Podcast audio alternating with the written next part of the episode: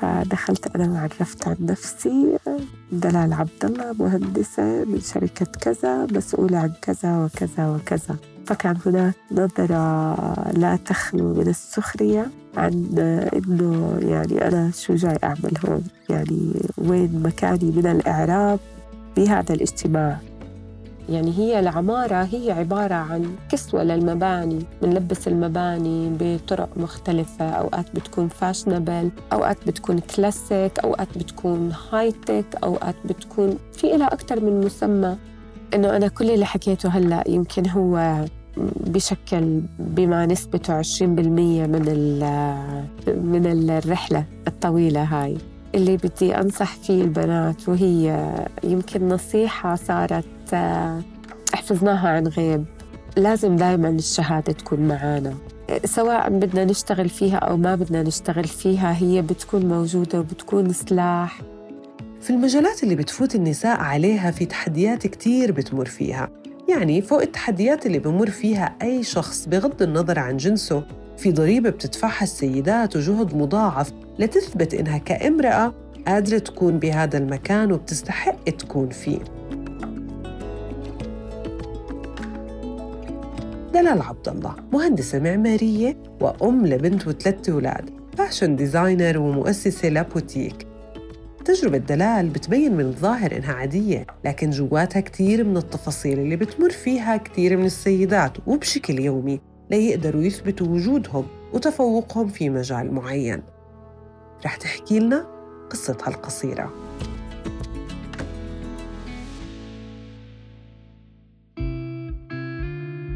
أنا بنت وحيدة مع أربع شباب. كان ترتيبي رقم أربعة. يعني في ثلاثة قبلي وبعدين أنا وفي واحد إجا بعدي. فكنت بعتبر طفولتي كانت شوي صبيانية. بحكم إني مع أولاد دايما فكنت دايما أحب ألعب زيهم وأروح وأجي زيهم وكذا. هلأ بالمدرسة كنت كنت شقية وكنت شاطرة بس يعني ما كنت مثلا الأشقية اللي على قلة أدب أو على آه، أذى أو كذا إنه هذه بضمن المعقول. وكان لي شعبية بالمدرسة كنت محبوبة. وكنت من الطلاب الشاطرين بس يعني ما كنتش كثير من الأوائل بس كنت من ال... خلينا نقول التسعينات يعني. معلماتي كانوا بيحبوني وصحباتي بيحبوني يعني كنت إجمالا من الشخصيات المحبوبة بالمدرسة. كنت أحب أشارك بالنشاطات كنت بالكشافة كنت دائما أشارك بفرق الموسيقى. يعني أي نشاطات فنية كنت دائما أشارك فيها. فكنت دائما أحب هيك أكون متواجدة. هذا بالنسبة للمدرسة. يعني حتى بالجامعة كنت أشارك دائما بالنشاطات اللامنهجية بالجامعة. لما صارت في المرحلة الإعدادية بدت الميول الفنية الموجودة عند دلال تتشكل. ولما كانوا يسألوها شو بدك تصيري لما تكبري؟ كانت تجاوب مهندسة معمارية أو ديكور. يمكن لأنه أخوها مهندس في أكثر من حدا بعيلتها درس الهندسة.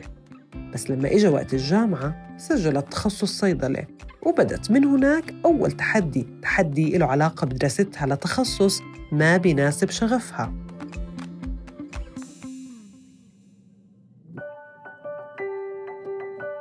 أنا بحياتي ما كان يعني لمحة هيك إنه أنا بدي صيدلة. بس قلنا خلينا مشان يعني أسعد ماما وبابا. خلينا نسجل صيدلة. سجلت صيدلة بالجامعة. هلأ السنة الأولى هي عبارة عن متطلبات الجامعة. تمت إنهاء السنة الأولى بنجاح. بلشنا بالسنة الثانية. كنت أدخل المحاضرة ما أفهم. دكتور إيش بحكي دكتور بعالم وأنا بعالم. يعني كنت أحاول أستوعب إيش بحكي الدكتور. هاي الأشياء من وين بجيبها؟ ما كنت أقدر أفهم بصراحة للأسف سنة تانية آه، حملت كتير مواد.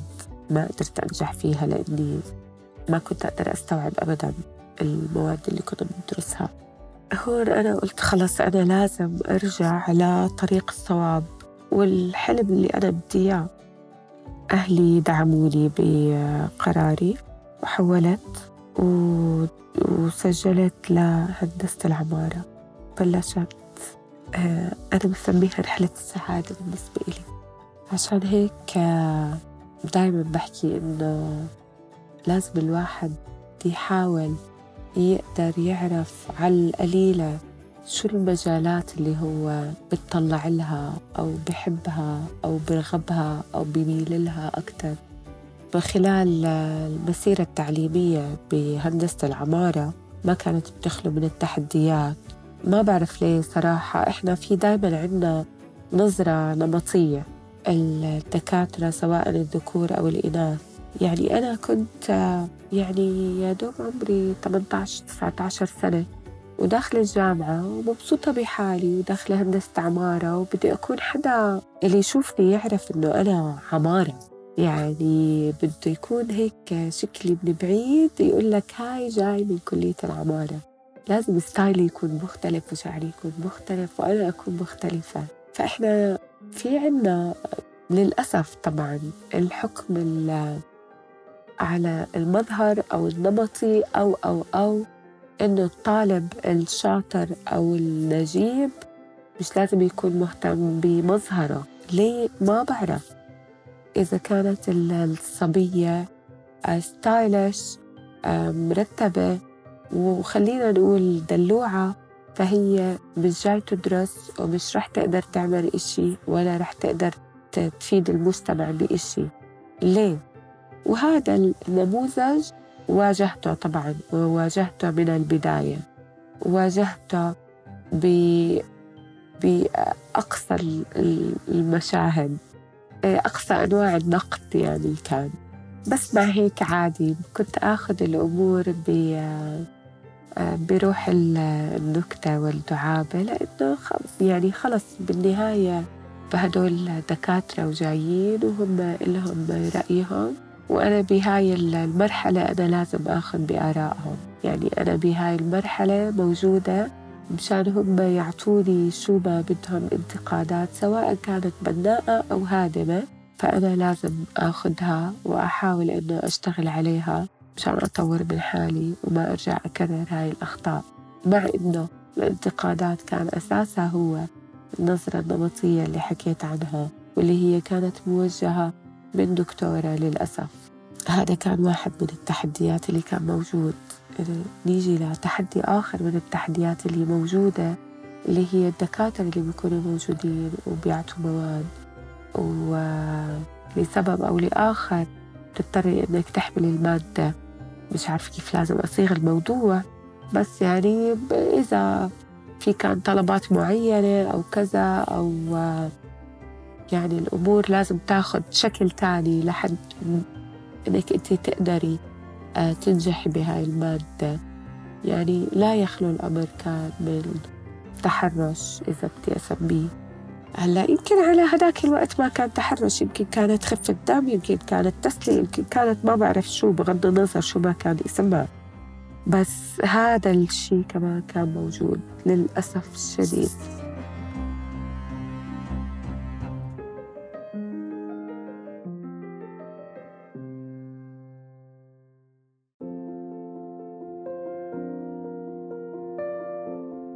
تحديات الجامعة. كانت جزء من التحديات اللي مرت فيها دلال. بعد الجامعة وفي الحياة العملية ولما كانت تشتغل بالميدان بدأت المزيد من المفارقات تصير معها. المهندسة اللي تخرجت جديد قدرت إنها تكون علامة فارقة بتاني شغل اشتغلته وبعد الأفكار اللي قدمتها صارت مدربة وقادرة تحط خطة ونظام جديد. وهون بدأ أول صدام رغم الدعم من المدير وبعض الموظفين.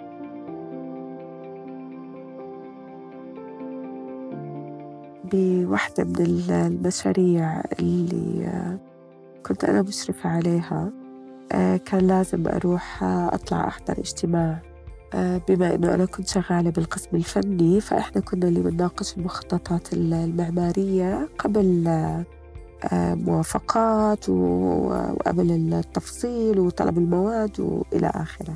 فكنت أنا رايحة على الاجتماع كنت رايحة على الاجتماع لأول مرة وكنت رايحة لحالي. بدون ما يكون معي حدا سوبرفايزر خلينا نقول.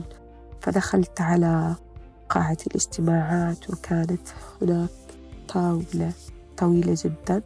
كانت كلها آه، ذكور. فدخلت أنا وعرفت عن نفسي دلال عبد الله مهندسة من شركة كذا مسؤولة عن كذا وكذا وكذا. فكان هناك نظرة لا تخلو من السخرية عن إنه يعني أنا شو جاي أعمل هون؟ يعني وين مكاني من الإعراب بهذا الاجتماع؟ وإنه أنا يعني يعني بنوتة رايحة تحضر الاجتماع وكذا وإنه يعني للأسف ما أخذوني على محمل الجد. هلأ الدرس المستفاد هون إنه إنهم ما أخذوني على محمل الجد بأكثر من كيس يعني.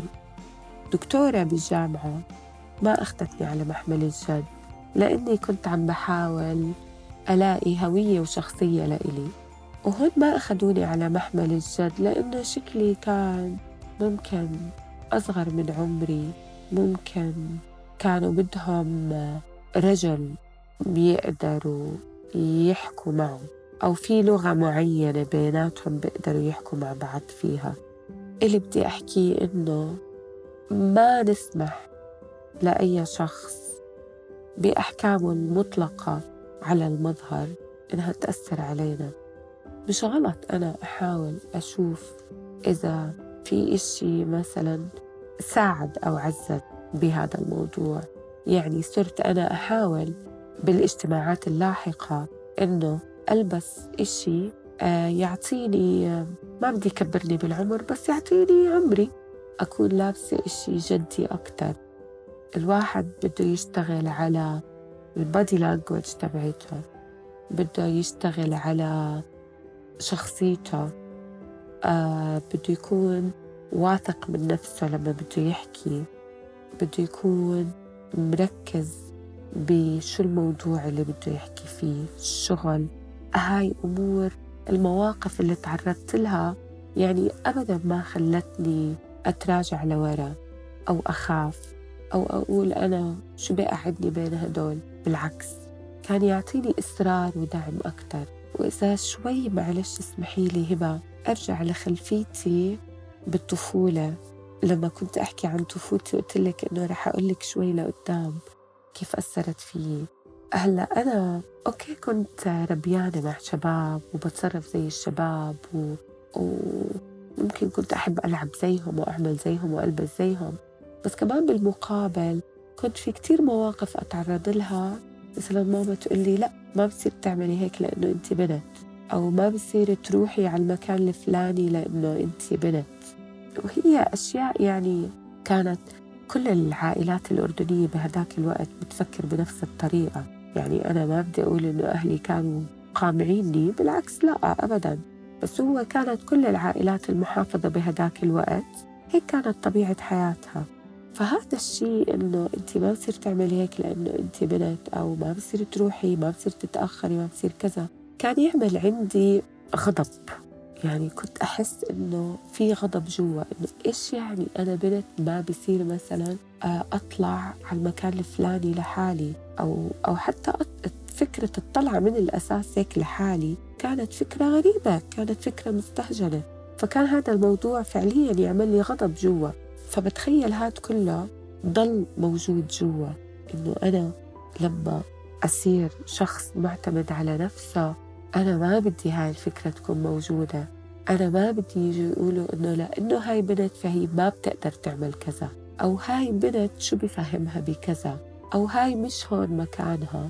أو أو أو أو. فأنا هذا الموضوع كنت دايما هيك أشوفه قدامي إنه لا إذا هم شايفيني إنه أنا هيك فأنا لازم أفرجيهم إنه هم اللي نظرتهم غلط إنه أنا بمكاني الصح وإنه أنا بقدر أقعد معاكم وأناقشكم وأنا على نفس مستوى الفهم والخبرة والقدرة والمقدرة.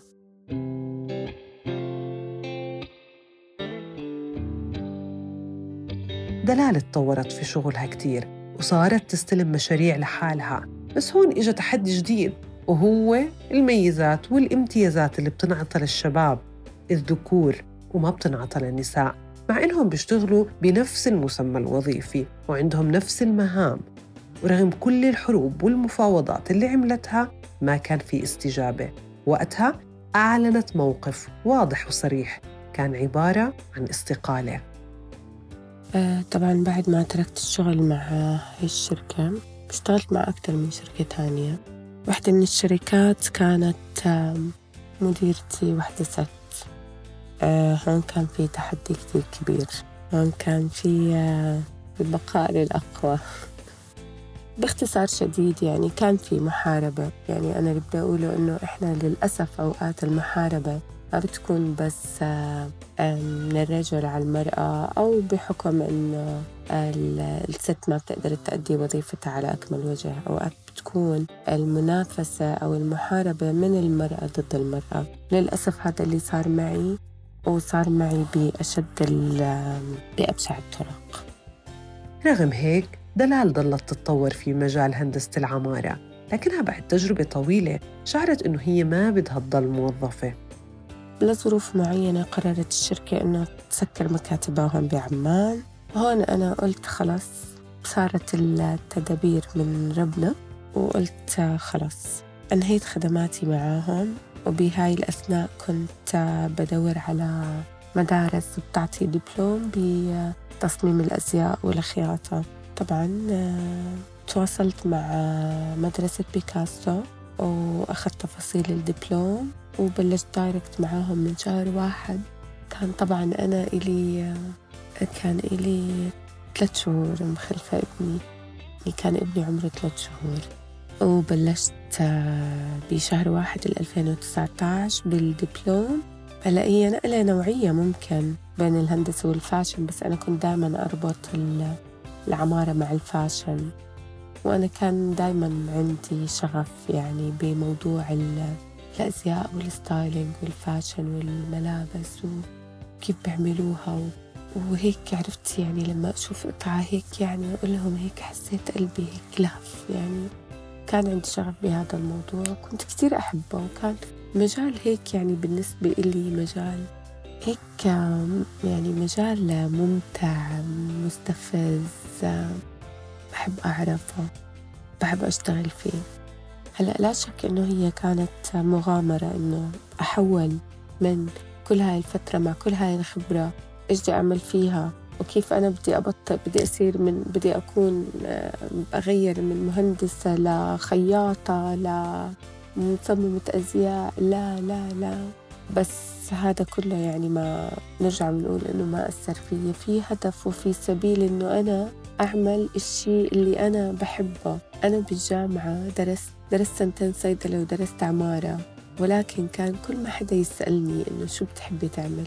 خلينا نقول هاي أحلامي وقت الجامعة. كنت دائما أحلم يكون عندي محل صغير وفيه كنت عم بحكي إنه كنت بحلم دائما يكون عندي محل صغير ويكون فيه قطع من من شغلي أنا سواء قطع ملابس أكون أنا مصمميتها ومشتغليتها بإيدي.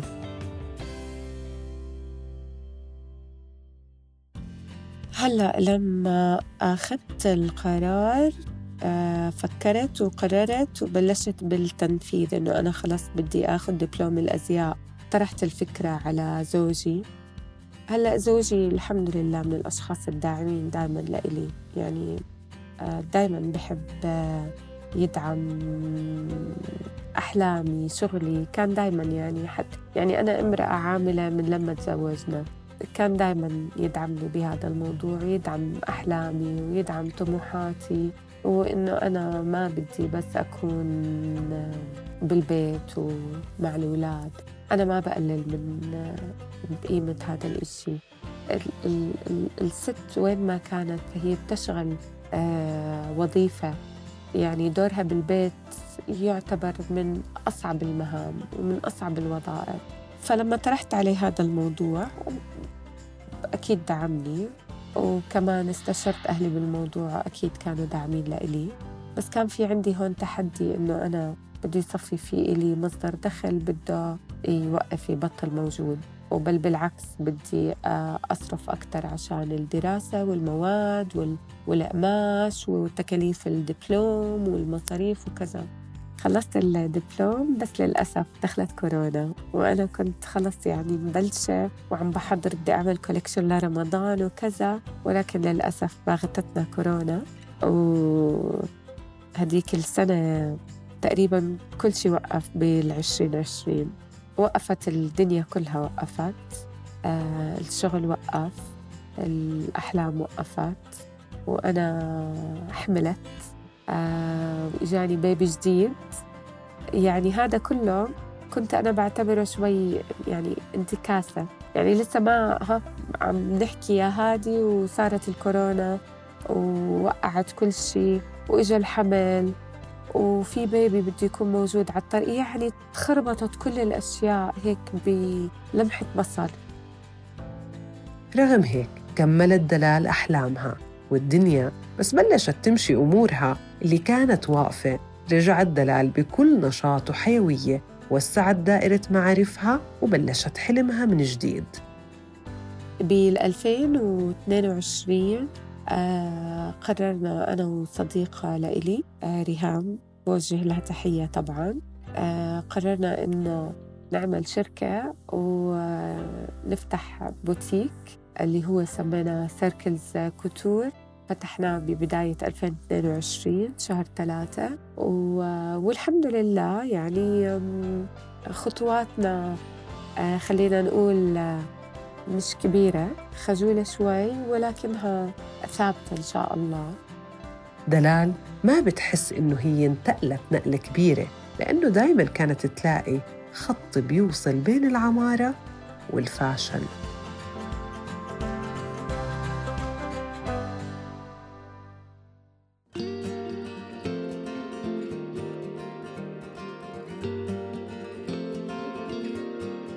هلا أنا اللي خلاني أحول أو أنقل هاي النقلة من العمارة لل fashion. أنا ما بعتبرها نقلة كتير كبيرة لأنه سبق وحكيت إنه هو كله بندرج تحت مسمى ال fashion. يعني هي العمارة هي عبارة عن كسوة للمباني بنلبس المباني بطرق مختلفة. أوقات بتكون fashionable أوقات بتكون كلاسيك أوقات بتكون high tech أوقات بتكون في إلها أكثر من مسمى. نفس الشيء بالعمارة. نفس الشيء بال fashion sorry بنلبس الناس إحنا. بنلبسهم sixties بنلبسهم كلاسيك بنلبسهم شو ما كان المدرسة أو ال style اللي بدنا نلبسهم إياه. فأنا بالنسبة إلي الموضوعين ما كانوا منفصلين عن بعض. بالنهاية اللي بدي أحكي إشي كتير مهم. إنه أنا كل اللي حكيته هلأ يمكن هو بشكل بما نسبته 20% من من الرحلة الطويلة هاي. اللي بدي أنصح فيه البنات وهي يمكن نصيحة صارت حفظناها عن غيب بس لازم دايما الشهادة تكون معانا. سواء بدنا نشتغل فيها أو ما بدنا نشتغل فيها هي بتكون موجودة وبتكون سلاح. إذا احتجتي ما رح يخذلك. لازم دايما يكون عندنا نفكر بأنه إحنا بدنا نكون أشخاص معتمدين على ذاتنا مش على غيرنا. لازم نفكر بهاي الطريقة. ما نروح فيها للإكستريم ولكن لازم تكون موجودة. أنا لازم أعود نفسي على أنه أنا بدي أكون شخص منتج بهاي الحياة. أنا لما أكون شخص منتج بهاي الحياة لما أتعود ولما أعود نفسي على إنه أنا ما بصير أضل قاعدة أنا لازم أشتغل وقتها ما حدا رح يقدر آه، يمنعني من إني أعمل أي شيء أنا حابة إني أحققه. أي هدف حابة أنا أسعى له وأروح له ما حدا بيقدر يمنعني عنه. لما أنا أكون عندي استقرار واستقلال مادي وقتها أنا بقدر آه، يكون إلي شخصية بيكون إلي وجود. بكون صاحبة كلمة وبكون صاحبة قرار.